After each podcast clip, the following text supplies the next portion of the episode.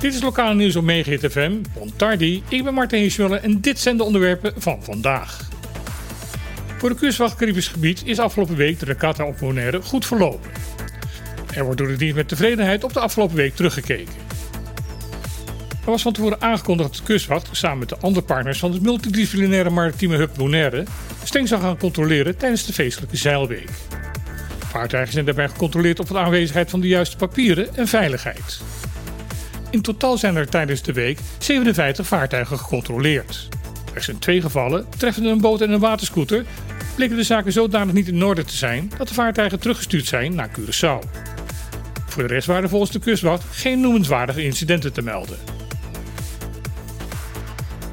Via een bericht op social media laat oppositieleider Clark Abraham weten vragen te hebben over een post of de tussentijdse financiële rapportage van het bestuurscollege. Het gaat hierbij om de financiële verantwoording van het OLB over het eerste helft van dit jaar. In een door Abraham gepubliceerd overzicht staat de post personeel van derde. Volgens de politiek leider van het PDB gaat het hier over overeenkomsten van opdracht. Deze overigens waren ook al een item tijdens de campagne rondom de eilandraadsverkiezingen in maart dit jaar. De oppositie van PDB en M21 beschuldigde toen met name de PDB ervan dat de politieke vriendjes van de partij via de overconstructie overbetaalde banen werden toegeschoven. De MPB heeft deze beschuldiging altijd ontkend.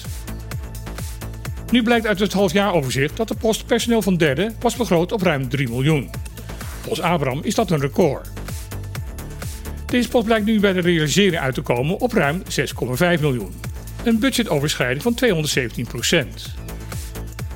Abraham maakt zich hier boos over. Volgens hem zorgen dit soort praktijken ervoor dat overstaande vacatures niet definitief ingevuld kunnen worden, wat het functioneren van de overheid ernstig belemmert tijden van het opstellen van dit bulletin hadden de partijen van het bestuurscollege nog niet gereageerd op deze beschuldigingen. Wie het marinepark op wil gebruiken voor commerciële activiteiten, moet daarvoor een natuurvergunning hebben. Volgens een onderzoek van het Antilliaans Dagblad blijkt dat bij het aanvragen van de vergunning veel mis te gaan. Ten eerste blijkt de noodzaak om een vergunning aan te vragen nergens vermeld te zijn op de website van het OLB. Daarnaast blijkt de bedrijven die wel een vergunning aanvragen bij de dienstruimte en ontwikkeling vaak slachtoffer te worden van willekeur. Zo vermeldt het artikel dat een bepaalde vergunning al bij voorbaat werd afgewezen door RNO, nog voordat de aanvraag was ingediend. Verder blijkt dat de Natuurcommissie Bonaire vaak niet betrokken wordt bij het beoordelen van de aanvraag.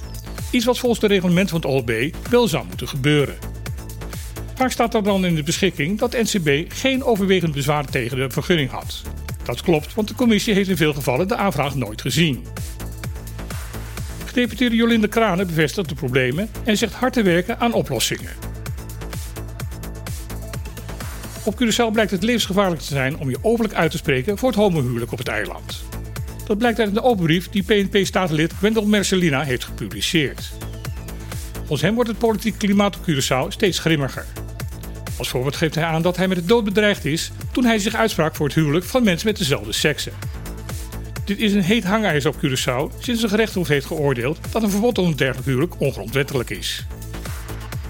Merceline noemt het triest dat de homofobie op het eiland nog steeds zo leeft, zelfs bij de leiders. Hij zegt zich te blijven inzetten als statenlid om de haat en discriminatie tegen te gaan. Daarbij noemt hij het een tragedie dat iemand met de dood bedreigd wordt, simpelweg omdat hij gelijkheid en acceptatie ondersteunt. Dit was weer een lokaal nieuws op Megahit FM. Ik wens iedereen een mooie en onbedreigde dag toe. En dan heel graag weer. Tot morgen.